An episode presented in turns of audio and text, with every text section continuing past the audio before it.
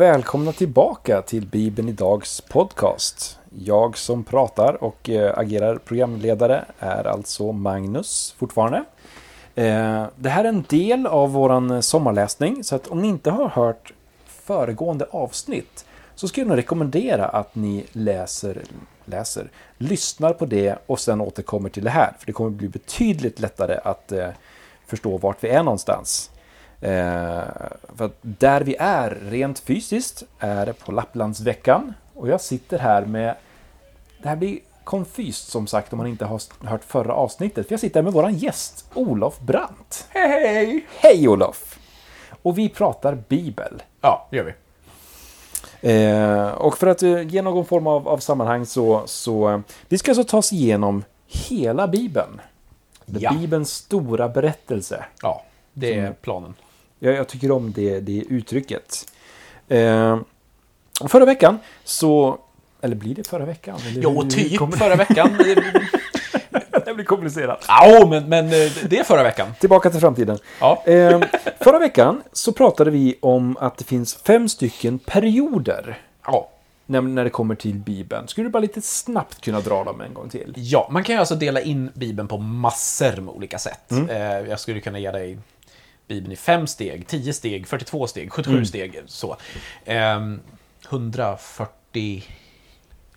50... 154 steg kan jag ge dig också. Fem är en bra siffra, tänker jag. Fem, fem blir bra. Eh, det är lättare så här. Eh, och vi har gått igenom faktiskt redan eh, ettan och tvåan. Ja. Och är nu inne i trean. Ja. Och då är det så här att jag delar in då eh, Bibeln i, i den här serien i delar utifrån förutsättningarna egentligen i texten. Ja. För det hjälper oss att förstå vad vi kan göra med texten och hur vi kan förstå texten. Den första delen, det var först Gud skapar världen och skapelsen innan ondskan har kommit in Just det. har vissa förutsättningar. Människorna går med Gud, de har en väldigt nära relation till Gud. Det, det är liksom så. Eh, Och då gäller vissa förutsättningar som vi idag inte kan förvänta oss. Och när det kommer till skapelsen så är det ganska naturligt. Det känns ganska Eh, naturligt, ja. eller hur? Ja. Del två, då käkar de av frukten, det blir ett syndafall och vi får ett, ja men mörkret kommer in i världen. Men del två eh, går då väldigt förenklat fram till Abraham, eh, innan Abraham. Och då har Gud egentligen inte riktigt lanserat någon lösning. Utan det är ganska mörkt i någon mening. Ja. Och vi lever ju heller inte i en tid då vi är utan lösning. Just det. Utan vi lever i period 5, som vi kommer till eh, senare. Eh, Så därför när vi läser då syndafallet fram till Abraham, alltså kapitel 3 till 11 i Första Mosebok, så är det heller inte våra förutsättningar. Jag behöver inte vara orolig för att Gud ska skicka en ny syndaflod. För det var då, Ja. det var Guds lösning där och då, den har sina förklaringar. Nu lever vi i en annan tid. Nu har vi klivit in i del 3 och den kommer vi hålla oss i ganska länge. Och det är ju alltså då när Gud väljer ut folket som ska Ja. bli nationen Israel. Just det. Och vi har i förra avsnittet pratat om Abraham ganska mycket, för Abraham är extremt central. Och jag kommer återknyta till det ett par gånger. Och det är ju då att Abraham och hans familj väljs ut för att bli välsignade, för att bli Guds folk, men också med ett uppdrag att visa för andra människor vem Gud är. Genom sitt agerande, genom sin relation till Gud. Ja. För att andra människor ska bli välsignade. Just det. Och det är otroligt centralt för oss när vi nu fortsätter. Ja. Och vi ska alltså in i Andra Mosebok, det är där vi börjar. Vi kommer inte syssla med Andra Mosebok hela det här avsnittet, ska jag säga med en gång. Så, Kan du lova det? Det kan jag lova. Okej. Så där vi då befinner oss är som sagt i Egypten och eh, Josef har dött. Ja. Och då gör ju Bibeln en sån här lustig, lustigt hopp Ja. som man inte riktigt ser alla gånger. Det går 400 år. 400? Ja. Är det så långt på Innan? Andra Mosebok börjar. Ish. Ha. Eh, och det som händer under den perioden är att de bor i Egypten. De blir då ett stort folk. Och de håller sig till varandra.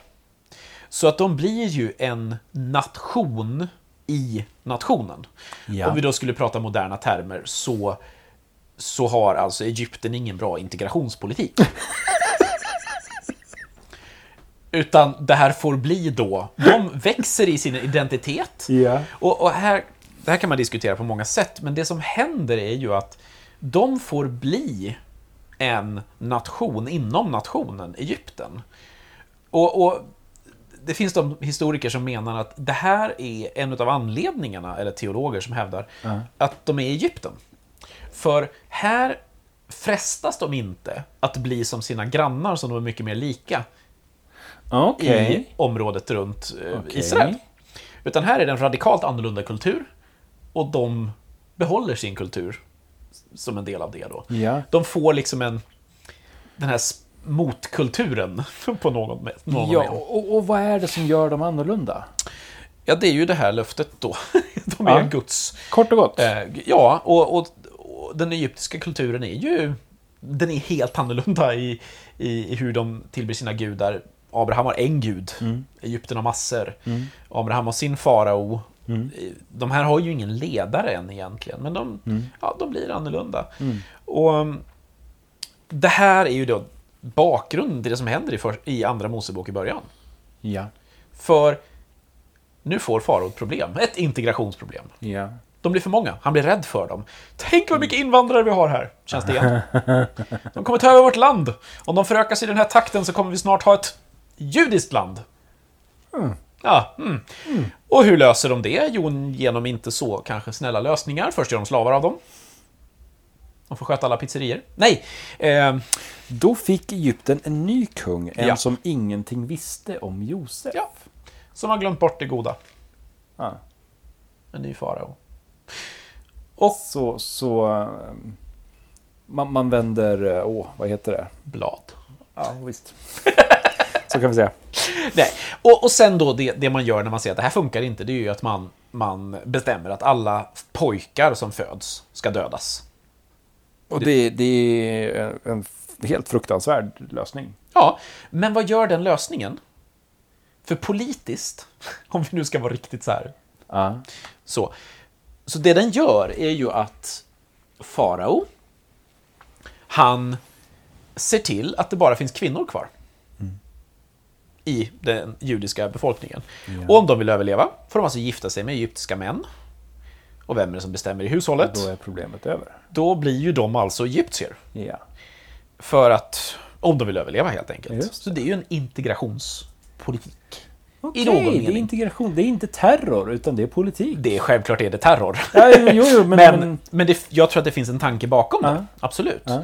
Att det är ett sätt att lösa i någon mån det Ja. problem man tycker Ja, sig ha. intressant. Och det är klart att sen är det män som slåss. Mm. Kvinnor kan ju inte slåss. Alltså, Det är ju ett väldigt tydligt samhälle så som vi Ja. kanske inte känner igen oss i. Just det. så. Och i detta föds, föds Mose. Det här är ju därför han hamnar i floden. För att han ska dödas. Ja. Han flyter i land hos faraos dotter. Och lever alltså 40 år som prins i Egypten. Han är, han är antagligen väldigt högutbildad. Och jag menar, hur gammal är du? 42. Ja, du har alltså levt en första del av Moseliv här. Ja. Det är ganska lång tid. Han lever med guldsked i munnen. I Verkligen. 40 år. Ja. Jajamän. Och sen så gör han ju bort sig, dödar en kille och får fly ut i öknen. ja. Där han är i 40 år. Och det här är alltid lika kul när man berättar det här i, i, i församlingar. Sen möter han Gud i den brinnande busken. Han får alltså sin kallelse med stort K när han är 80. Ja. Då får han reda på vad han ska göra när han blir stor. och då finns det alltid några liksom, så här, äldre damer i bakgrunden som säger mm, det är inte över för mig så, nej, nej, nej. Och, och det här, alltså, Det är så jag tänker också om mitt liv. Precis, du ser. Vi behöver inte bestämma oss än. Vi är inte ens färdiga med guldskeden. Eller ja, du är på väg ut i öknen i och för sig. Och självklart är det inte så här för alla. Men, men det här visar ju faktiskt på någonting. Att, att, att Gud kan ha en plan som sträcker sig långt upp i åldrarna. Men det är intressant, för det här har vi stött på flera gånger redan nu. Tidsperspektivet. Att vi inte har det med oss. Eller att jag inte har det med mig. Nej. när jag läser Bibeln. Mm. Och ja, jag, jag vill ju ha bönesvar nu. Skoja. Absolut. Och sen så säger Gud plötsligt, jag har hört deras klagan. Mose går och räddar dem. Och Mose svarar som alla tappra män i Bibeln. Absolut, inte jag, ta någon annan. Alltså ska man läsa en bok om tappra män så är det här fel bok. nej, nej, men, nej men jag kan inte. Skämtar du eller? Jag är gammal och jag, kan inte gå och jag stammar och allt vad det är. Eh, Så han får ju med sig sin bror där. Uh, Gud blir lite putt på honom faktiskt. Skoja. Eh, jo då. Men kom igen då. Ja, så Mose återvänder i alla fall till Egypten. Jajamän. Och han får vara med och befria folket genom plågorna. Och en detalj där kan man ju lägga märke till att plågorna är ju inte bara vilka plågor som helst. Där har jag läst om det. Utan de möter Egyptens olika avgudar. Ah. Solen var gud, solen blir blod. Eller vad säger jag? Solen var gud, solen blir förmörkad. Nilen var gud, Nilen blir blod. De hade grod... eh, Huvuden, vad heter det? Gudar med grodhuvuden, boskapshuvuden. Alltså, det, det här är ju en kamp emot, emot avgud. Alltså att visa, Mot andevärlden. visa för andra folk vem som är Gud. Det kommer tillbaka, Abrahams uppdrag. Va? Här får de visa. Ehm, så. Och till slut så blir det ju den hemska plågan där eh, alla förstfödda kommer att dö. Som också en spegling av det vi redan har läst om. Ja, precis. Även fast då var det bara söner. Ehm, och ehm, här kommer vi till en sån här otroligt central berättelse som egentligen återkommer hela Gamla Testamentet och hela Nya Testamentet. Ja. För nu kommer vi då till den judiska påsken. Där judarna firar eh, osyrade brödets högtid och påsken. Där de fi, det, det är på grund av uttåget ur Egypten som de firar sin påsk. Ja. Eh, och vad är det de får göra?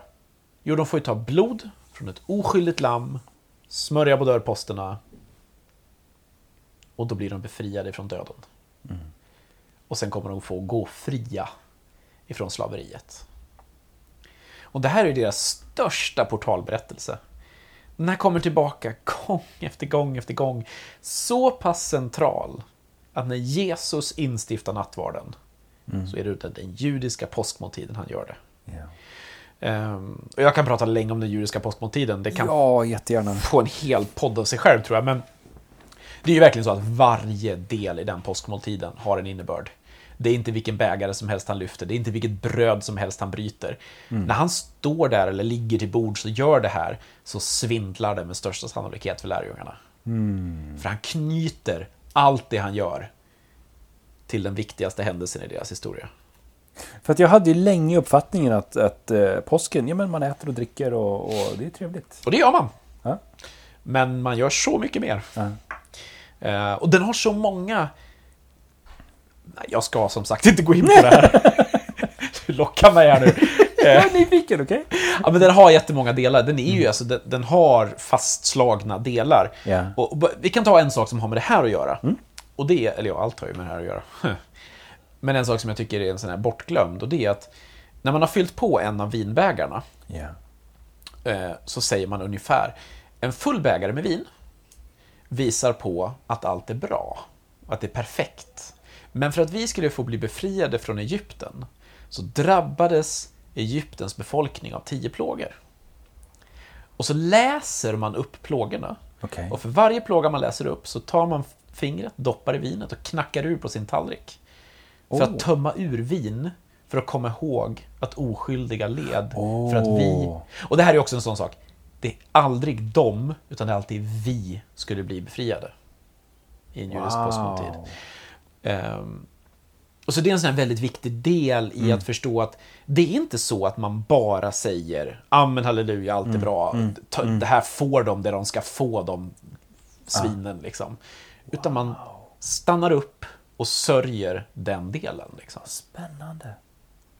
Det hade ingen aning om. Men du behöver vara med en sån här påskmåltid. Alltså, jag säger Jag det. behöver det. Ja. vi, vi ska återkomma Jag kommer hålla dig det där löftet. Till påsken 2019 Där har vi det. så ska vi ha ett snack om det här. Det kan vi ha. Absolut. Oh, jag tror jag har en gäst. Jag har en Messias troende jude från Israel. Vad sägs om det? Taget. Jag tror att jag kan få honom att vara med. Woho! Ha! Eh, han bor där nere just nu och joggar runt. Alltså, det är så sjukt när man har en vän på Facebook. De säger, jag var ute på en joggingtur i morse. Jag sprang förbi gravkyrkan. Alltså, han jobbar för Bibelsällskapet i, i Jerusalem. Ja.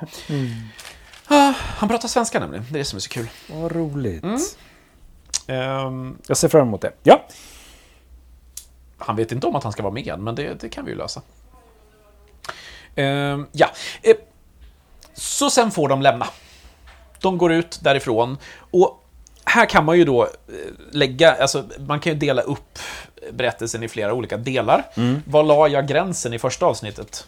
Du som har anteckningar där. Var la jag del fyra? Den la, jag, den la jag i Nya Testamentet va? Ja, alltså period tre handlar om Guds agerande med, med folket. Hela vägen, ja. Punkt Eh, fyra, då, då kommer Ja, Jesus. för då, då kan man, om man vill, kan man slänga in en period, ny period här. Vi talar om 3B då. Okej? Eh, det behöver vi inte göra, vi har fem. Ja, men det blir Tre B. intressant. Jag vill veta. För det som händer nu, det är att de går då ut från Egypten. De går genom Röda havet, Ja. eller Sävhavet. Vilket var det? Vilket var det? Jag, du får, du får gärna Bibel utveckla. 2000 står det Sävhavet. Står det olika? Ja. Nej! Har Bibel 2000 fel igen här nu? Nu igen? Jag som gnällde på Bibel 2000 på ett Ja, ställe du var i... tvärsur där. Ja, vet du vad grejen är? Nej, berätta. I hebreiskan så står det Sävhavet. Men vi har ingen blekaste aning om var det är någonstans. Så då har man kort och gott tittat på en karta och så har man sagt hmm, Röda havet borde det vara och så har man skrivit det. Så det är inte en översättning, utan det är bara ett antagande? Att det är Röda havet? Ja. ja. Så Sävhavet, när Bibel 2000 brukar få skit, är faktiskt mer korrekt. Men vi vet inte var. Och det där kan man, om man roar sig, så kan man ju titta på kartorna i sina biblar Ja. och se att vägen de går ritas olika.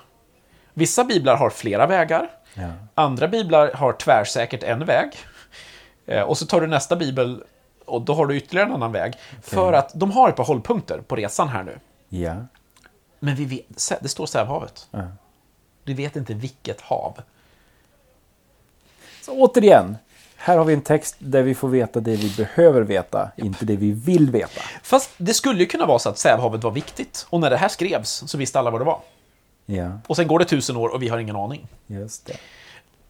Vi- Jag vet inte. Nej. Men Intressant i alla fall. Ja, och det finns ju då ett antal olika vatten det skulle kunna vara. Det kan vara uppe i Nildeltat, det kan vara en av sjöarna på vägen, det kan vara nere i Röda havet, eller det kan vara på andra sidan Sinahalvön.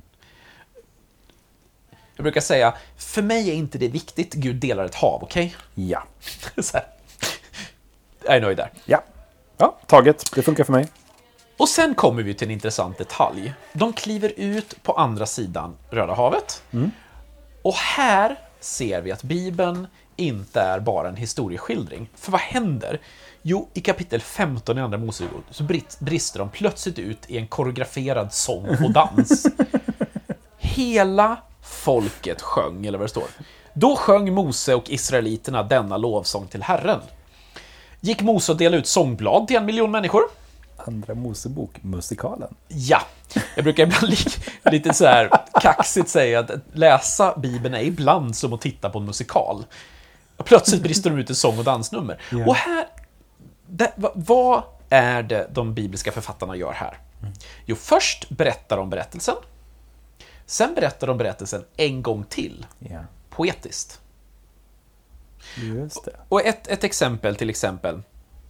Eh, I lovsången eh, så har du många av dem, vad ska jag säga, där har du texten som man kanske bygger alla målningar på.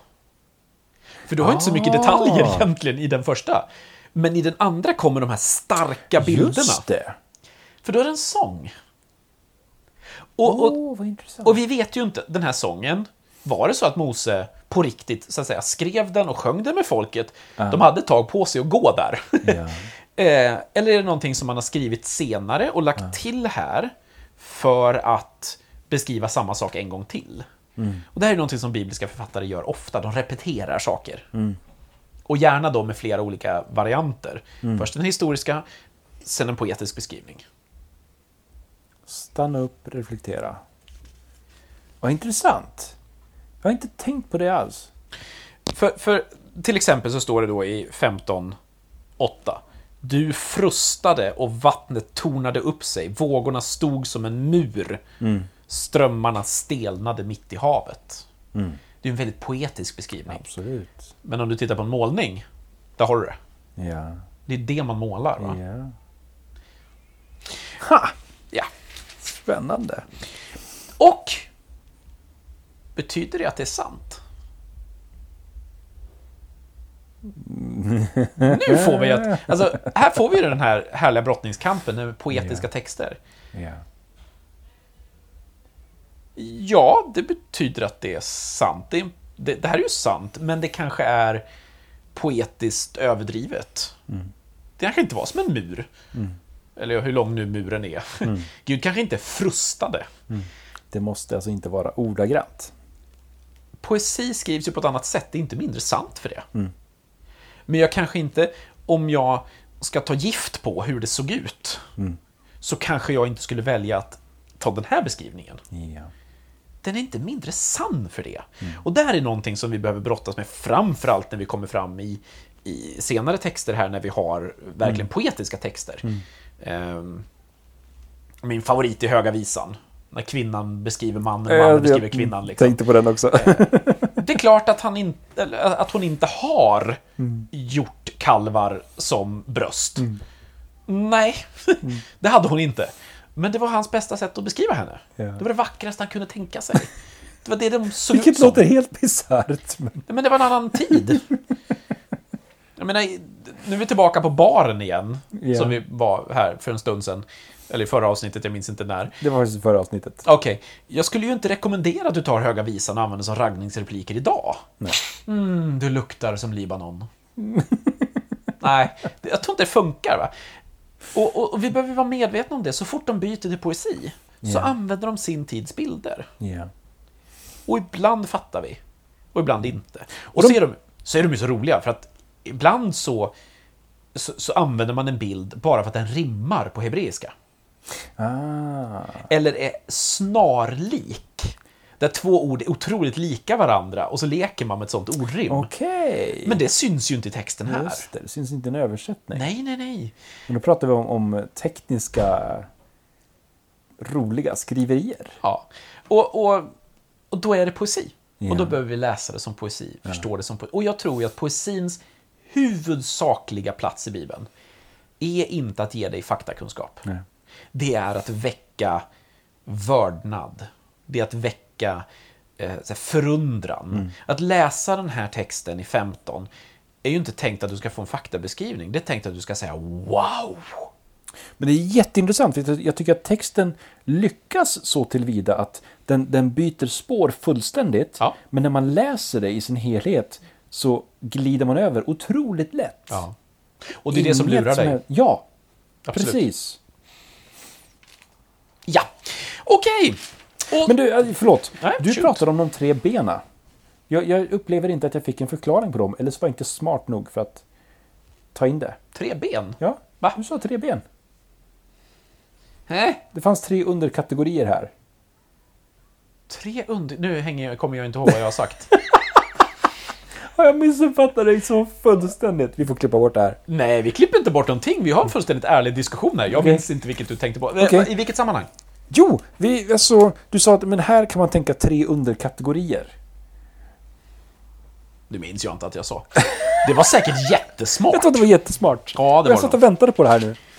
Det, det, det, det är kanske så att vi har stått i en, en sån här mässal hela dagen och inte har allt helt klar, solklart. Ja, men det ringer alltså ingen klocka. Då, då, då, då kan vi inte göra så mycket mer eh, annat än att gå vidare. Då tycker jag att om du nu hörde som Magnus, att jag tyckte att det fanns tre underkategorier, så skriver du en fråga till oss och undrar vilka de tre kategorierna var. Så får jag lyssna på podden själv och lista ut det. Ja. Ehm, Okej, eh, nu ska vi traska vidare här. Eh, och, och då går de ut i öknen. Eh, folket börjar gnälla, det gör de hela tiden. Eh, Och det går ganska fort tänkte jag säga, men nu är det det här med perspektiven då. då. Japp, japp, japp. Det här är långa sträckor. Alltså, vi, vi har varit i, i Kairo med en grupp Ja. och bestämt oss för att inte åka ner till Sinai berg, för det tar alldeles för lång tid. Ja. Och de går genom Ja. öknen här. Det, inte, går inte fort alltså. ja. Och de är många. Och de börjar bli hungriga. Deras barn är hungriga. Ja. Kommer tillbaka till föräldraperspektivet här igen. Precis. Mitt barn är hungrig. Jag går och gnäller på den killen där framme, inte för min egen skull. Men min son är hungrig. Ja. Hur har du tänkt det här, Mose? Ja. Och då är det lätt att tänka att ja, i Egypten hade vi mat. Ja. Och nu följer jag dig, din galning. 80-åring! Jag menar, han är... Vem är den större idioten? Idioten eller den han följer? Ja, mm, mm. ja, i alla fall. Och vad är det Gud gör? Jo, han ger ju dem manna och vaktlar. Ja. Han ger dem mat. Han säger ju i praktiken, ni kan lita på mig.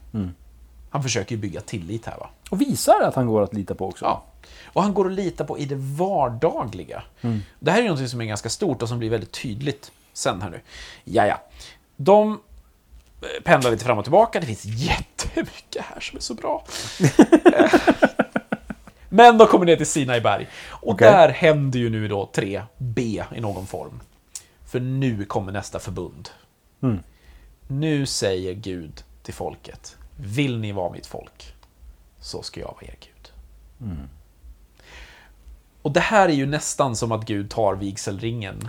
Jag tänkte Och säga friar. det. Nu gör jag det här i, i rummet, för Ja. alla er som lyssnar. Ja, jag- Jag håller på att försöka ge min vigselring till Jag är Magnus. redan tagen. Jag visar min vigselring. Det var ingen som sa det, de ville ha Gud. Ehm, Jag tycker väldigt mycket om dig dock. Okej. Ja, ja, okej då. Vi håller oss i varsin säng så länge. Ehm, Gud friar till folket och folket Ja. säger ja. Och den där bilden kan man ta ganska långt. De får ingen ring.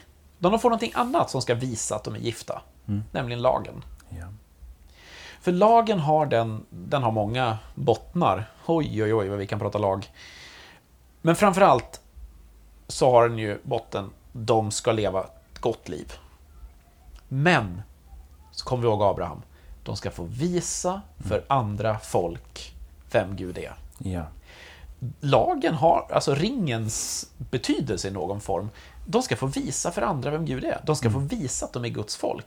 Och en del av det är faktiskt att göra dem annorlunda. ja. Jag tror att det är en del Ni, av ska, lagen. ni ska vara på det här sättet. Ni ska vara på det här sättet för att det säger någonting. Ja. Ehm, och det finns ju människor som har läst andra, tredje Mosebok här när lagarna börjar komma och blivit kristna på kuppen. för att de säger det här kan ju inte vara en sagobok. Och varför, varför inte? Därför att det här skulle ju funka. det, det här samhället i den här kulturen skulle ju funka om vi höll de här lagarna. Liksom. Så nu blir det ju väldigt seriöst. I någon mån. Eh, vi får de tio buden. Eh, och sen börjar det komma lagar då. Och, och så får de tabernaklet. Om vi hoppar lite här snabbt framåt. Eh, och tabernaklet är ju Gud flyttar ihop med folket. Om vi nu använder bilden av giftermålet ännu starkare. Va? Så Gud han gifter sig med människorna. Han Ja. lovar sig till människorna. Ja. Eller till folket. Ja. Eh, de får ringen som ett tecken på att de är gifta i lagen. Och de får tabernaklet. Gud flyttar ihop med folket. Han väljer att kampa med dem så här i semestertider. Precis. Precis. Hade ökenvandringen varit idag så hade han haft en husbil.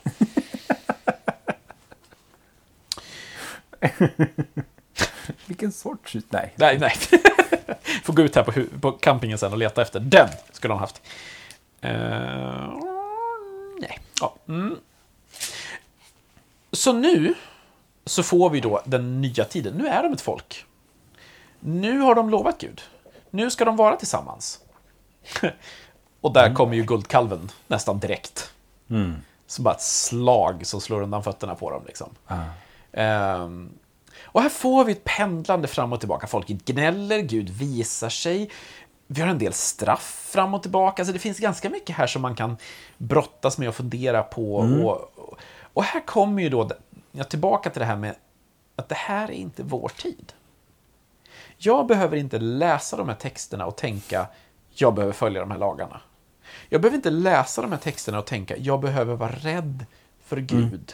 För att Gud är sån här. Ja. För, ja, det är samma Gud. Men Gud agerar idag helt annorlunda.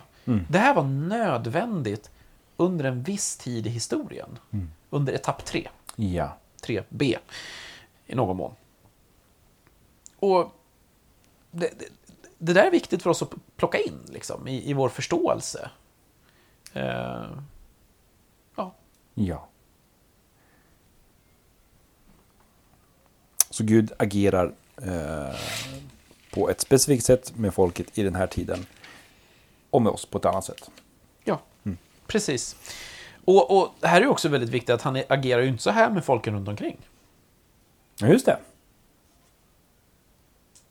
Utan det här är ju Israel.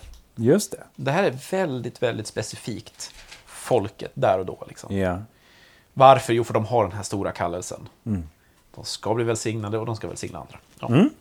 Så, så Israel är nu det utvalda folket och de Japp. går genom öknen och det, det funkar sådär. Det funkar lite knackigt. Lite knackigt, men ändå ganska bra. Ja. Jajamän. Eh, och så bestämmer de sig, nu ska vi äntligen gå upp till det här landet som vi har blivit lovade. Ja. Och nu klipper vi ju framåt, alltså nu är vi nästan in i fjärde Mosebok redan. Hej hoppsan sa, det gick ja. fort. Jo, men det går fort för att det är massa lagar här. Ja. Och vi hoppar över dem. Ehm, vill man fördjupa sig i lagarna så skulle jag kunna rekommendera Bible Projects eh, YouTube-videor på tredje Mosebok. Ja. Som ger en fantastisk översikt, om man inte redan har tittat på dem. Eh, och sen har vi fjärde Mosebok, och det som händer här är att de beger sig upp mot landet. Ja. De stannar längs vägen för att räkna folket. Och därför så heter ju fjärde Mosebok på engelska Numbers. Numbers. För att nu ska vi räkna allihopa. Hej och hå, här är ni många bra namnförslag. Eh, och sen så när de har gjort det, då är det ju dags. Men då vågar de inte gå in, utan de skickar in 12 spejare. Ja. Och de där spejar runt och kommer tillbaka och säger det är ett fantastiskt land. Men folket som bor där är som jättar. Så de vågar inte gå in. Okej. Eh, då är det alltså i kapitel 13, i fjärde Mosebok. Och det som då händer är att folket vänder tillbaka ut i öknen. Det är Herren som säger skicka män att utforska Ja. och spana. Det Ja, inte Moses som ger dem det uppdraget. Alltså, är det... Kanske det inte är, det kommer jag inte ihåg, men det... Herren talade till Mose, skicka några män att utforska Kanaan, Ja. det land som jag ska ge åt israeliterna. Du ser. Och så kommer de tillbaka. Och så, alltså, det, det blir en massa så här falsk ryktespridning och så i lägret som resulterar till att de tar dåliga beslut här. Ja. Och vad händer då? Jo, de vänder ut i öknen igen. De drar ut i öknen igen. Tillbaka ut i öknen, de kan inte gå tillbaka till Egypten. De går tillbaka till det som är tryggt. De har varit där ute i typ ett år. Bortsett från det komiska i det hela. Vem har varit i den här öknen i nästan 40 år? Mose. Ja. Jag tror Mose vänder sig om och tittar på folket och säger ni måste skämta. Kom igen, vi var så nära. Ja. Sen gör ju faktiskt Mose bort sig också. Så inte heller han ska få komma in i landet. Ja. Och så har vi lite tid där ute. Och under hela den här perioden, vad gör Gud? Det är nästan som om Gud liksom, knackar Jesus och anden i, i sidan och säger men Jag försöker se det framför mig, det var väldigt svårt. Men jag pratar med sig själv åtminstone. Ja. Så, men okej, de har fått gått genom ett hav, de har sett en massa under i Ja. Egypten, alltså de har ju sett allt det här. De har fått mat, de har tabernaklet. Ja, men dunder och brak Ja. på Sinai. Ja. Men det funkar inte. Så vad är det han bestämmer sig för att göra? Jo, han bestämmer sig för, okej, varje dag i 40 år ska ni få mat av mig. Varje morgon kommer ni vakna hungriga. Varje morgon måste ni lita på att jag ger er maten. Men vi kan ju inte... För, vi, vi, någon, alltså några av oss kanske har varit i situationen att i slutet av månaden så är det tajt. Ja. Men det är ingenting mot den livssituation de här är i. Det här är ju varje dag Ja. så måste de lita, sig, lita på. Och det är det som bygger den generation som sen tar steget in. För att människor dör ju under tiden. Här. Jajamän. Hela generationen dör. Ja. Det är de nya som föds i öknen som är de som får ta över. Ja. Så de var framme efter ett år. Ja, ungefär. Men sen går de ut igen. Japp, i 40 år. På en yta ungefär lika stor som Blekinge, tror jag. Inget mot Blekinge. Det, det är ju inte jättestort. Nej, inte för en miljon människor. Hej och hå. Och det händer ju en massa saker här. Biliam och åsnan är här. På tal om det där frågesporten. Talande djur i Bibeln. Det finns en talande orm, det finns en talande åsna. Talande duva skulle man kunna prata om, eller hur? Du får ta med dig det här till den där baren som du ska Ja, precis. Ja. Ehm, just det. Magnus, det här kommer sluta med att jag måste gå till en bar och göra bort mig. Jag Ja. är inte på alltså. Okej. Ehm, och sen så... Finns det något scenario där du skulle gå till en, en bar där du inte skulle göra bort dig? Jag som är så hemma i barer, vad försöker du säga? Nej, Jag sant, sant. Förlåt. Ja, sen händer det ju en massa då småsaker längs den här vägen, jätteintressant, men vi klipper och hamnar i femte Mosebok. Och om du då har bestämt dig för att läsa Bibeln från perm till perm och kommer in i femte Mosebok så drabbas du av... Va? Där har jag läst förut.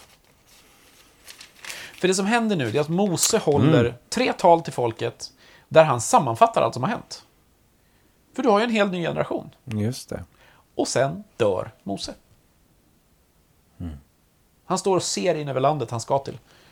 Han får inte gå in. Eller får han? Här finns, nu, nu är vi på så här kul trivia igen. Ja. Det, det är verkligen temat. Får Mose komma in i landet?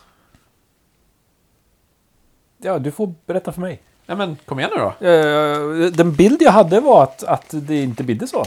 Nej, det står i slutet av femte Mosebok att Mose dör och blir begraven.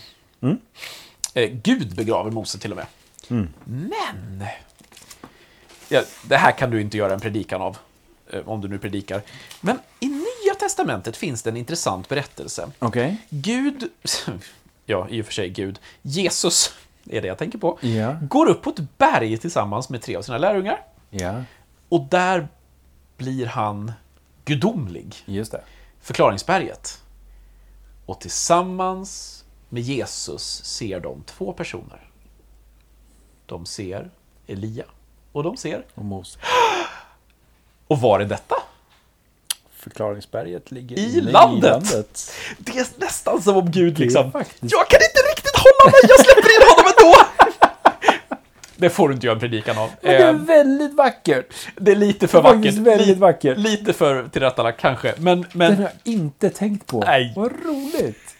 detaljer, detaljer. Ja. Och där får vi ett tydligt break i berättelsen. Liksom. Nu är femte Mosebok över. Vi står där. Folket har fått reda på alltihopa igen. De har hört lagen igen. Andra Mosebok 20, femte Mosebok 5 har du 10 Guds bud. Som är liksom, vad ska jag säga, en sammanfattning av lagen. Så mån. hela femte Mosebok. Nej, inte hela. Det finns ramberättelse, men Ja. i stora delar är en återberättande Ja. av. Okej. För den nya generationen. Ja. De som har fötts i öknen. Ja. De har säkert fått höra det ändå, men här ja så, men nu- finns det på, på pränt.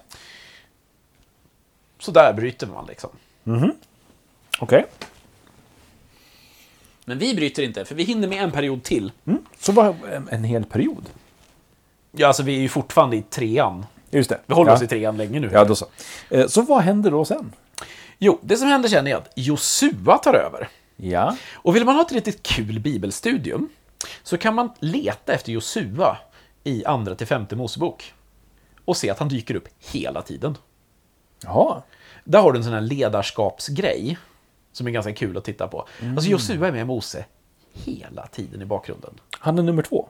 Han är uppenbart nummer två. Ja. Och följer med liksom i bakgrunden, finns med runt tabernaklet, finns med vid berget till och med. Eh, han finns med överallt. Okej. Eh, och här tar han över. Så killen som tar över har, har alltså uppenbarligen följt Mose, sett hans ledarstil, men har också sett vad Gud gör. Ja, precis. Och levt väldigt nära Gud. Ehm, och han får då eh, ta över. Och det roliga är att Gud gör ju liksom ett litet mini-Röda havet här. Ja. Eller Sävehavet. Eh, där de går genom Jordan torrskodda. Just det! Som om Gud försöker säga, titta här, ni kan följa honom. Just Han är nya ledaren nu va? ah. Och så intar de Jeriko och sen är ju då Josua bok är ju, är ju uppdelad kan man säga i två delar. Den första delen, då intar de landet, den andra delen delar de upp landet Ja. och bosätter sig i det. Och då delas de in i de här tolv stammarna. Eh, och här är en sån här detalj då. Det, här är ju det, jag tror att de vinner alla slag utom ett. Och det är ett slag när de får för sig att slåss utan att Gud säger åt dem att gå. Ja. Ja. Eh, så. Och det här är ju absolut en sån del av Bibeln som man kan brottas med. För här, På vilket sätt tänker du? Här, eh, ja, om man inte brottas med det här redan så förstår jag väl Bibeln för en nu då. Eh, Alltså här säger ju Gud uttryckligen döda. Och inte bara soldater, utan män, kvinnor, barn och boskap. Vi ska ta bort allt. Ja. Ja, Och- den är tung. Den är tung och den måste få vara tung. Ehm, och, och så här, det är också en hel podd. Vi har haft en podd om det. Leta efter, efter Olof Edsinger och krigen i Gamla Testamentet i arkivet så har ni en hel podd om det. Just det. Ehm, men i rund, alltså väldigt enkelt så nu fortfarande en annan etapp än vår etapp. En annan del av berättelsen än vår del. Det är en annan tid. Ehm, och, och vi behöver se att ja, men det här är där och då eh, så är det så här som det behöver gå till. Ehm, och det säger egentligen ingenting, det säger inget ont om Gud. Men det tar ett tag att komma dit och det är helt okej om du sitter och lyssnar och känner att nej, men jag är inte med på det. Jag är fortfarande arg på Gud för det. Okej, ta det med Gud. Det är alltid mitt råd här. Om Josua blir problemet som gör att du inte längre går till Gud, då tar du och lägger undan Josua och läser inte Josua just nu. Låt Josua sitta kvar där, för det finns bra förklaringar. Ja. Men om du blir så arg på Gud att du lämnar honom för Josua, strunta i Josua nu, det är helt okej. Ställ honom i hyllan. Kom tillbaka en annan dag.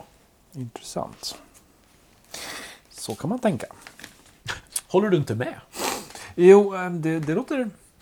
Det låter rimligt. Jag, just nu sitter jag och fascineras över den här andra omskärelsen. Det tycker jag låter extremt obehagligt. Eh, eh, det var liksom inte på samma nivå. Du menar att den första var, kändes trevligare? Gör dig flintknivar och omskär israeliterna på nytt en Japp. andra gång. japp, japp, japp. Då gjorde Josua flintknivar och omskar israeliterna vid förhudskullen. Är inte det här humor? Ja, mörk humor. Men, Vart läser du så att folk kan hitta det själva och läsa denna mycket spännande berättelse? Josua kapitel 5. Precis. Eh, jo, eh, det finns ju sådana här delar som, som verkligen vi kan fråga oss, vad i hela världen? Ja. Eh, det hade sin plats där och då. Ja, och, och, och Gud har på något sätt visat att han är att lita på gång efter gång. Och så firar de påsk. Eh, Men det där är ju ganska kul, för det står ju då en liten sån här parentes i vers 8. När alla var omskurna höll de sig stilla i lägret tills de hämtat sig. Just det. Vi behövde lägga till det ja. Okej. Eh, ja. Mm. Som eh, vi lyssnade på en predikan häromdagen där eh, predikanten betonade att vi ska vara tacksamma för apostlagärningarna och, och där de kom fram till i apostlamötet att hedningarna inte måste omskära sig. Ja. För tänk om du liksom kommer till kyrkan, du är ny, du har hela familjen med dig, säger till dina barn så här, ah, nej men gå, gå före ni, jag måste fundera lite på det här, för att det innebär en del liksom jobbigt för mig så. Men det är inte så. Det är en annan tid. Ja. Det är episod, det är femman där borta, du vet. Men du, du har en, en otrolig poäng just att det, det är mycket här som blir svårt. Ja. Och får vara det. Ja. Vi får reagera på det. Det är, Ja. det är viktigt, tror jag, att vi inte stänger av de känslorna. Mm. Utan att vi accepterar att det här ska vi nog reagera på. Ja. För så här funkar det inte idag. Alltså det är naturligt att reagera på det. Ja.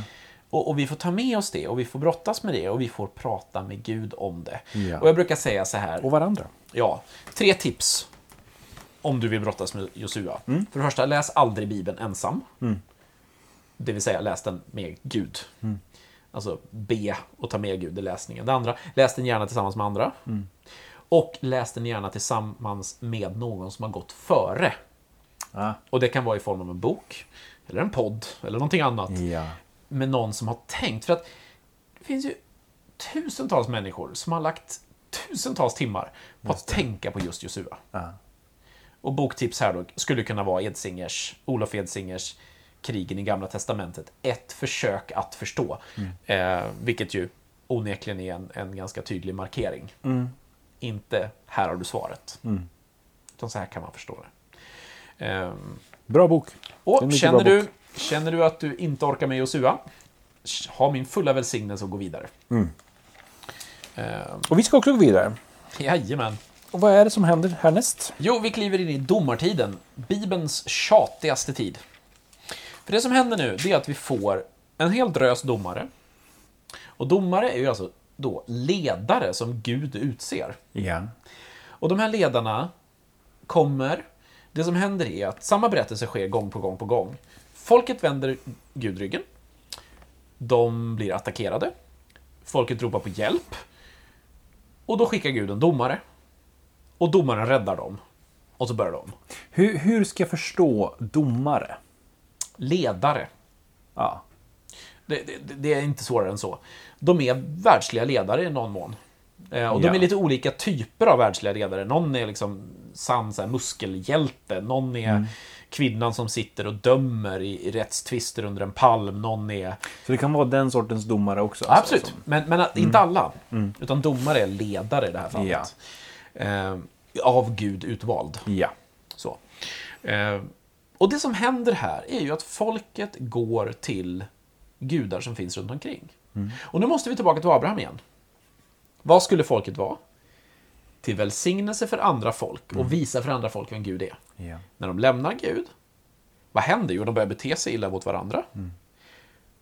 Men de visar ju inte längre vem Gud är. Så Gud, han släpper sitt beskydd om dem, de blir attackerade. Och då kommer de tillbaka. Hjälp Gud! Och direkt är Gud där och skickar en domare. Wow. Och den här cirkeln går ju runt för att folket hela tiden väljer att lämna.